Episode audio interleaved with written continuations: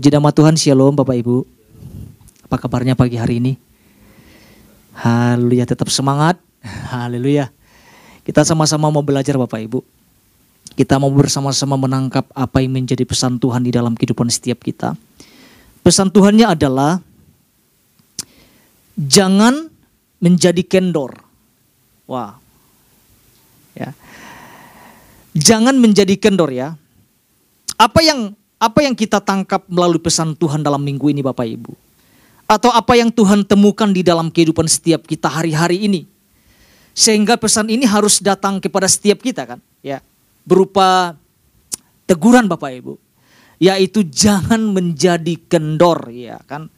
Artinya kita perlu cek kembali, kita perlu mengoreksi kembali tentang keseluruhan hidup kita ya Baik itu dalam pengiringan kita akan Tuhan, dalam panggilan kita, mungkin dalam kasih kita di dalam Tuhan ya. Ya mungkin berbagai aspek atau sisi di dalam kehidupan setiap kita. Mari kita cek ulang kembali Bapak Ibu. Jangan-jangan gini, jangan-jangan ini memang yang Tuhan temukan di dalam kehidupan setiap kita.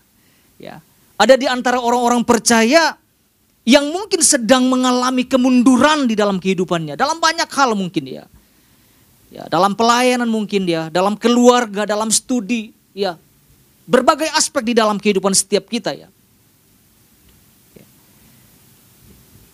Di dalam keluarga misalnya Bapak Ibu ya, kelihatannya sekarang masih sama-sama gitu ya, tetapi tidak pernah menyatu betul ya. Sudah tidak ada kasih di dalamnya ya. Ini kan sesuatu yang yang membahayakan jika ya dalam keseharian masih terlihat ya sama-sama gitu melihatnya. Tapi di dalamnya sudah tidak ada kasih. Ya. Tidak pernah menyatu. Ini seperti kayak sandal jepit Bapak Ibu, selalu bersama-sama tapi tidak pernah menyatu ya. Jadi kita mau sama-sama belajar Bapak Ibu, kita sama-sama belajar menangkap apa yang menjadi pesan Tuhan ini agar kita tetap berjalan maju di dalam Tuhan. Katakan amin Bapak Ibu. Kalau kita perhatikan Bapak Ibu di dalam inti pesan Tuhan kita diingatkan bahwa tidak semua saya bacakan Bapak Ibu ya. Nanti Bapak Ibu boleh dengarkan secara lengkap di YouTube ya.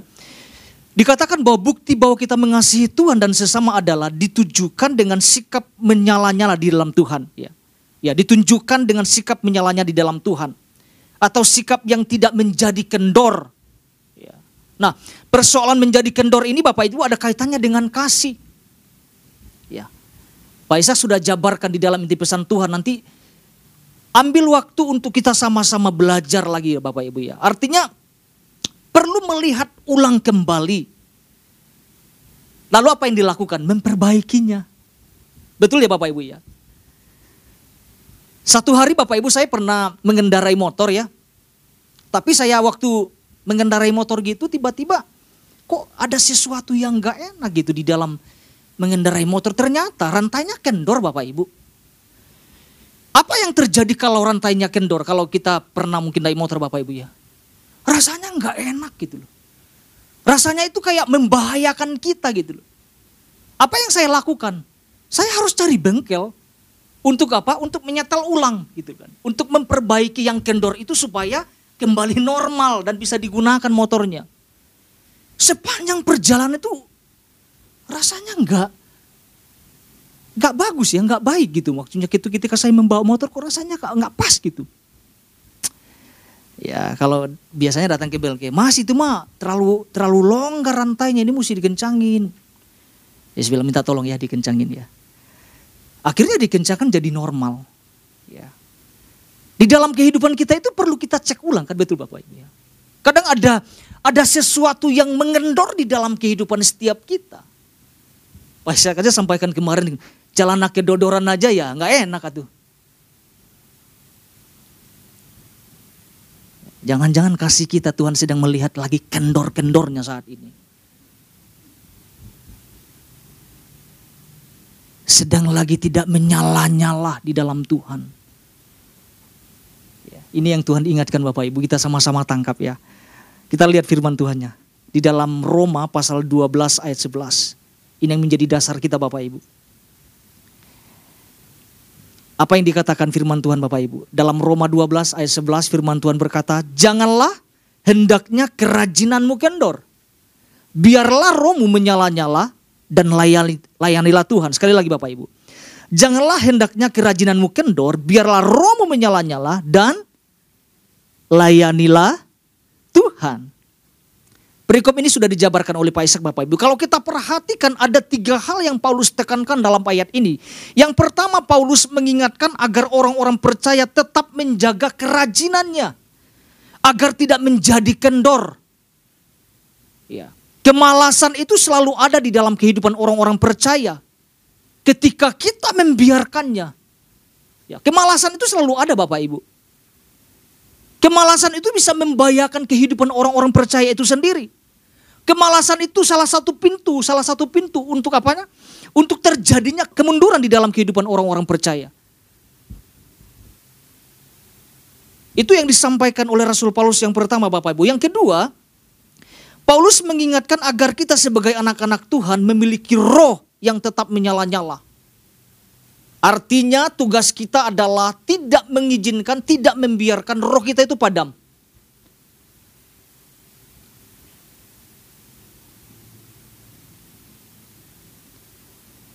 Yang ketiga,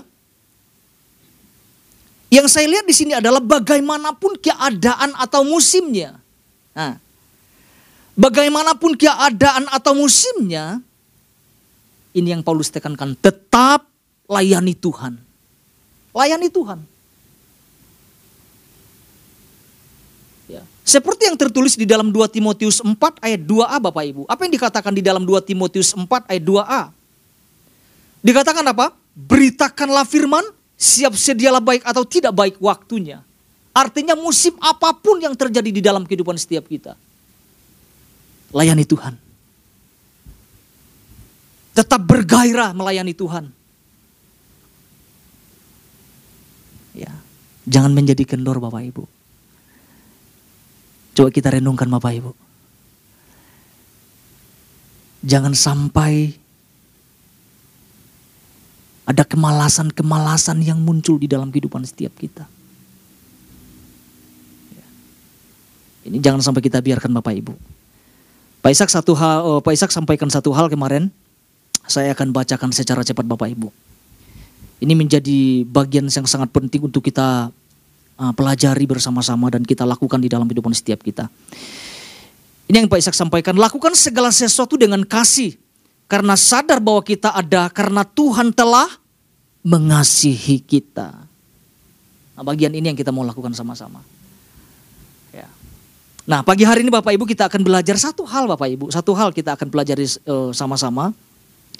Apa yang perlu kita lakukan agar kita tetap menjadi pribadi yang tidak kendor? Ya.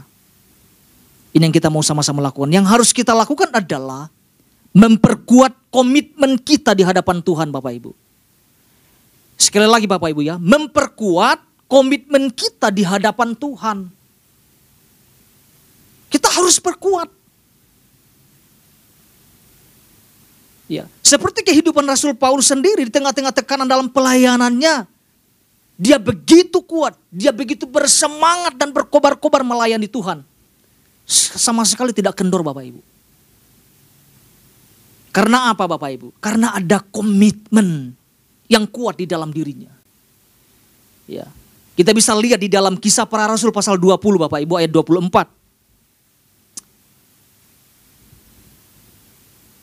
Ya, kisah para rasul pasal 20 ayat 24. Saya melihat apa yang Paulus katakan di sini. Ada visi yang besar, yaitu menyelesaikan tugas pelayanan yang dipercayakan oleh Tuhan Bahkan dikatakan sampai akhir Bapak Ibu. Orang yang kendor Bapak Ibu, orang yang mengendor tidak akan bisa menyelesaikan tugas yang dipercayakan oleh Tuhan. Orang yang kendor tidak akan bisa menyelesaikan visi yang Tuhan berikan di dalam kehidupan kita sebagai orang-orang percaya. Ya karena apa pun sudah jadi jadi apa? Hambar, jadi malas. Mau bergerak pun jadi malas. Tapi kalau kita belajar dalam kehidupan Paulus, Paulus mengatakan aku menyelesaikan tugas yang dipercayakan oleh Tuhan sampai akhir di dalam kehidupannya. Nah kita perlu contohin Bapak Ibu, ini dahsyat banget. Ya. Saya teringat dengan kisah kehidupan Sadrak, Mesak dan Abednego dan Daniel Bapak Ibu. Ya. Ya, ketika mereka diperhadapkan situasi yang sulit dalam hidup mereka, bisa saja mereka mengalami apa namanya? Bisa saja mereka mengalami kendor Bapak Ibu, kekendoran dalam dalam hal iman mereka di dalam Tuhan. Bisa saja mereka mengalami kemunduran dalam hal iman ketika diperhadapkan mereka mereka harus menyembah patung yang dibuat oleh raja.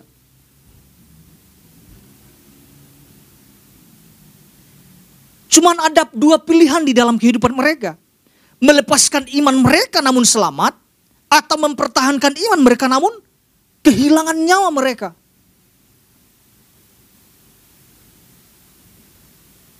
Bisa saja, bisa saja mereka mengalami kemunduran. Tapi kita bisa melihat keputusan mereka dahsyat Bapak Ibu. Tidak ada yang membuat hal apa pun yang membuat mereka kendor di hadapan Tuhan. Kematiankah? Hukumankah?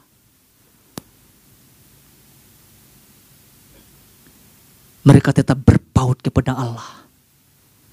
Mereka tetap menyembah kepada Allah yang hidup di dalam hidup mereka. Ya sekalipun pilihannya sulit Bapak Ibu. Ya. Pernah nggak kita menemukan Bapak Ibu atau memperhatikan dia awal-awal seseorang itu melayanannya, wah mengebu-ngebu, wah berkobar-kobar. Begitu semangat, begitu antusias melayani Tuhan. Tapi perjalanan waktu, nah mulai nggak kelihatan nih. Pernah nggak kita temukan kayak gitu Bapak Ibu? Oh saya pernah menemukan orang-orang kayak gitu. Malah mem, malah memotivasi saya ya. Semangat ya Marbun ya. Wah semangat Pak. Kejar Tuhan ya. Iya kejar Tuhan Pak. Yang ngajarin udah nggak nongol Bapak Ibu.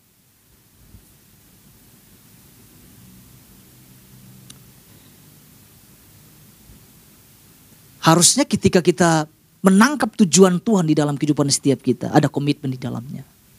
Apa pun yang terjadi, musim apa pun yang terjadi. Kita harus tetap menyala-nyala di dalam Tuhan, katakan amin Bapak Ibu.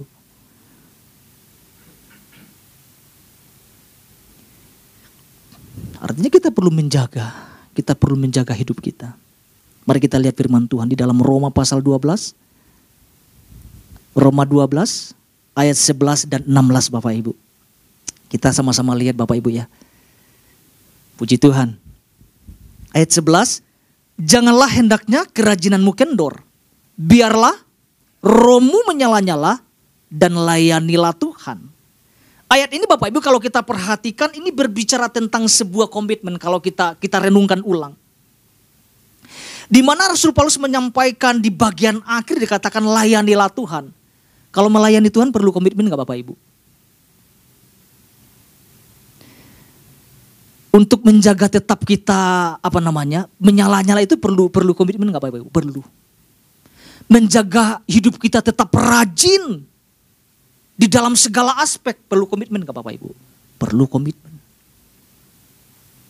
Ketiga hal yang disampaikan oleh Rasul Paulus ini perlu komitmen sebagai pengikatnya.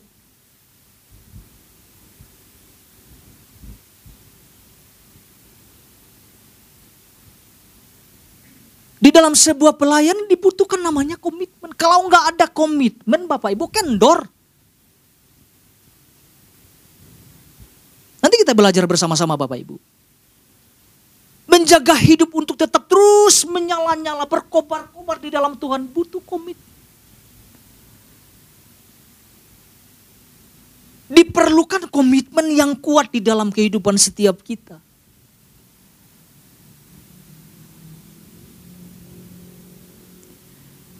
Hidup di dalam kasih pun kita perlu komitmen. Karena Tuhan sudah menyelamatkan kita terlebih dahulu. Melalui kasih dan anugerahnya yang besar. Ya. Kalau kita mempelajari Bapak Ibu, ini Paulus sedang mencoba membagikan tentang hidupnya itu sendiri ya kepada jemaat di Roma.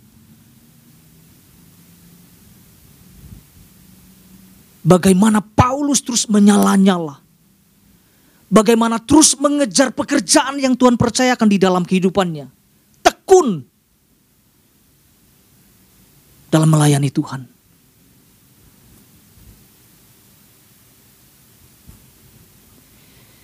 Semangat Rasul Paulus ini Bapak Ibu harus ada di dalam kehidupan orang-orang percaya. Kita sudah banyak belajar tentang tentang kisah tentang kehidupan Rasul Paulus. Di mana Tuhan pilih dia. Waktu Tuhan pilih, waktu Tuhan, Tuhan tetapkan tidak ada yang berkurang di dalam kehidupannya.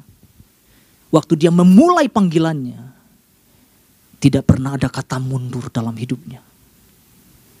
Ya, kalau kita bandingkan tentang apa yang dialami oleh Rasul Paulus. Mungkin jauh Bapak Ibu. Bagaimana dia harus di, dimasukkan dalam penjara. Diterah Bapak Ibu. Itu sesuatu yang yang yang yang sulit di dalam kehidupan Rasul Paulus. Tetapi waktu dia menyampaikan pesan ini kepada jemaat di Roma. Ini lagi berbicara tentang hidupnya itu sendiri Bagaimana dia terus menyala-nyala di dalam Tuhan. Ya. Kita perhatikan ayat 16 Bapak Ibu. Apa yang dikatakan ayat 16? Dikatakan hendaklah kamu sehati sepikir dalam hidupmu bersama. Janganlah kamu memikirkan perkara-perkara yang tinggi. Tetapi arahkanlah dirimu kepada perkara-perkara yang sederhana. Bagian hakir perhatikan Bapak Ibu. Janganlah menganggap dirimu pandai.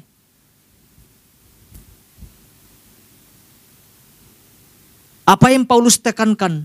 Dikatakan dalam pelayanan diperlukan kesehatian atau dalam hal apa pun di dalam kehidupan setiap kita. Di dalam keluarga, di dalam komunitas perlu kesehatian loh Bapak Ibu.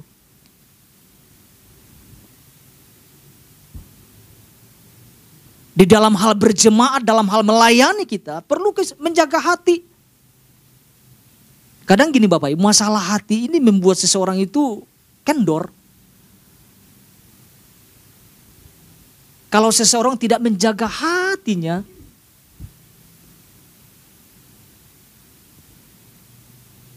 akan kendor Bapak Ibu. Akan undur. ya jadi malas melayani dan sebagainya. Tetapi bagi Tuhan selalu ada kesempatan buat kita, amin Bapak Ibu ya. Ada kesempatan kita untuk memperbaiki semuanya. Menjaga hati itu sulit loh Bapak Ibu. Karena pada dasarnya manusia itu uh, gampang tersinggung, gampang gampang terluka.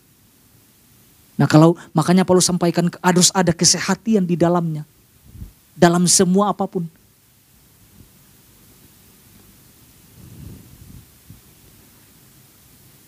Ya. Kalau tidak menjaga hati Bapak Ibu ada selalu ada perdebatan yang terjadi.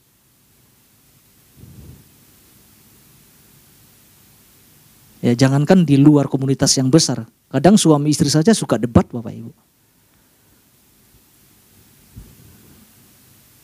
Ya, misalnya contohnya masakannya keasinan. Satu, mah kenapa asin? Oh ini mah nggak asin. Asin. Enggak asin. Debat. Ya sudah yang asin dimakan saja. Kan perlu di, di, di dalam pelayanan. Itu bisa terjadi Bapak Ibu. Selanjutnya apa yang ditekankan? Jangan menganggap dirimu pandai. Nah ketika saya membaca ini Bapak Ibu saya saya coba melihat tentang diri saya. Aduh Tuhan, saya bilang ini banyak banyak hal yang di yang yang yang diperbaiki, banyak hal yang diubah. Perlu kerendahan hati untuk terus belajar. Ya, jangan menganggap dirimu pandai. Ya, karena saking pandainya orang Bapak Ibu tidak mau terima masukan. Nah itu tuh. Saking pandainya orang tidak mau terima teguran. Ini saya lagi belajar di sini Bapak Ibu. Sangkin pandainya orang tidak mau terima arahan. Nah itu tuh. Akhirnya keputusannya ya mundur, ya udah.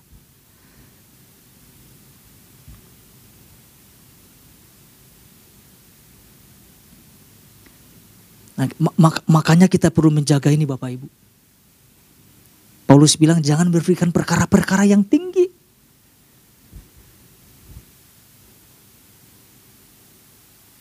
Jatuhnya sakit kalau terlalu tinggi.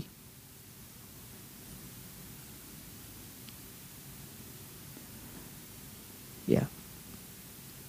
Saya percaya Bapak Ibu lewat pesan Tuhan ini kita boleh merenungkan sesuatu di dalam kehidupan setiap kita. Ya, ketika Tuhan mengatakan jangan menjadi kendor Bapak Ibu. Saya cek kehidupan saya. Saya cek keluarga di rumah. Adik-adik yang ada di rumah. Pelayanan mereka bagaimana?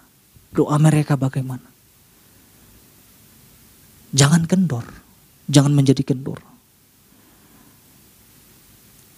Nah selanjutnya Bapak Ibu, ada dua tujuan mengapa kita perlu memperkuat komitmen kita di hadapan Tuhan.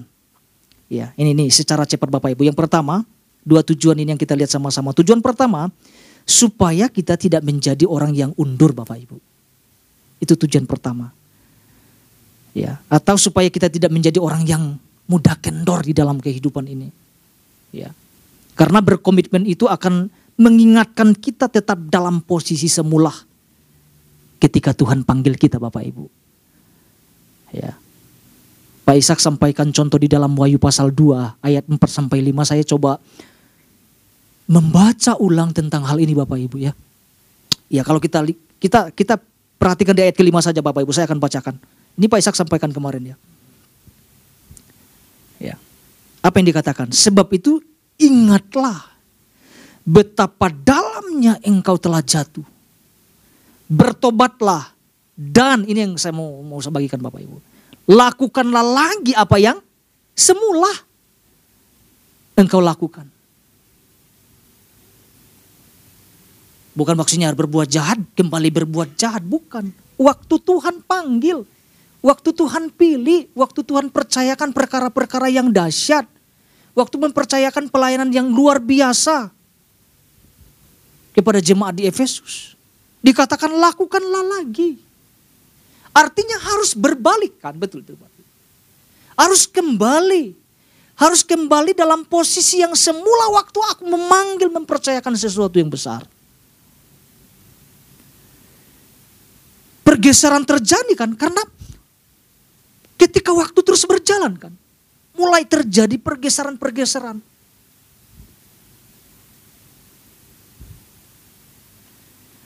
Jika tidak demikian aku akan datang kepadamu dan aku akan mengambil kaki Dian. Dianmu dari tempatnya. Jikalau engkau tidak bertobat. Itu keras banget tegurannya nih Bapak Ibu.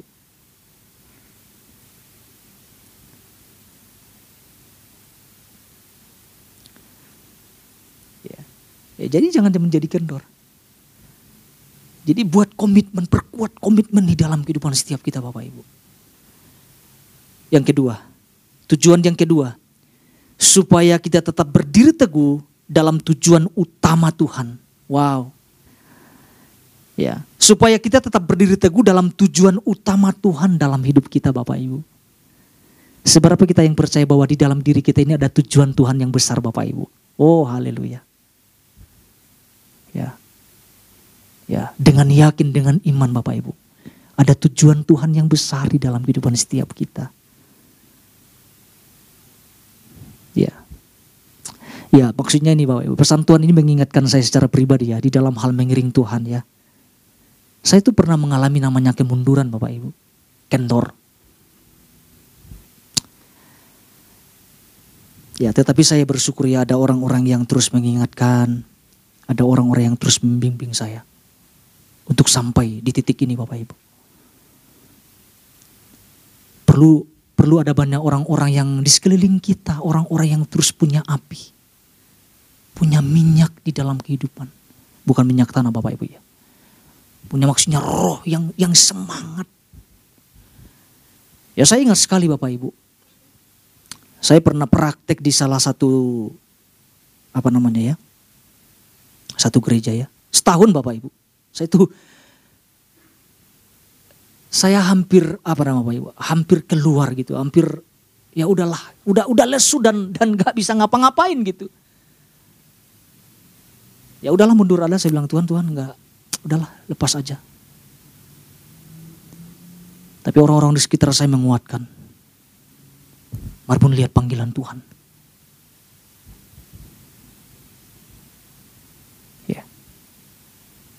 Tangkap lagi tujuan Tuhan dalam hidupmu. Itu lama sekali Bapak Ibu, merenungkan ulang. Menimbang matang-matang di dalam kehidupan saya secara pribadi ya. ya. Mungkin kalau dengan kekuatan saya sendiri Bapak Ibu udahlah. Misalnya udah, udah nggak ada pelayan-pelayanan. Ya. Tapi saya bersyukur. Ya, Tuhan ingatkan, maksudnya Tuhan izinkan ada orang-orang di sekitar saya untuk membangun kehidupan saya lagi. Untuk melihat tentang pekerjaan Tuhan yang besar yang Tuhan mempercayakan. Ya. Kita di tempat ini Tuhan kita bersyukur Bapak Ibu. Artinya Tuhan terus mengingatkan kita tentang hal-hal ini. Hal kecil saja Tuhan perhatikan. Ya, hal kendor saja Tuhan perhatikan loh.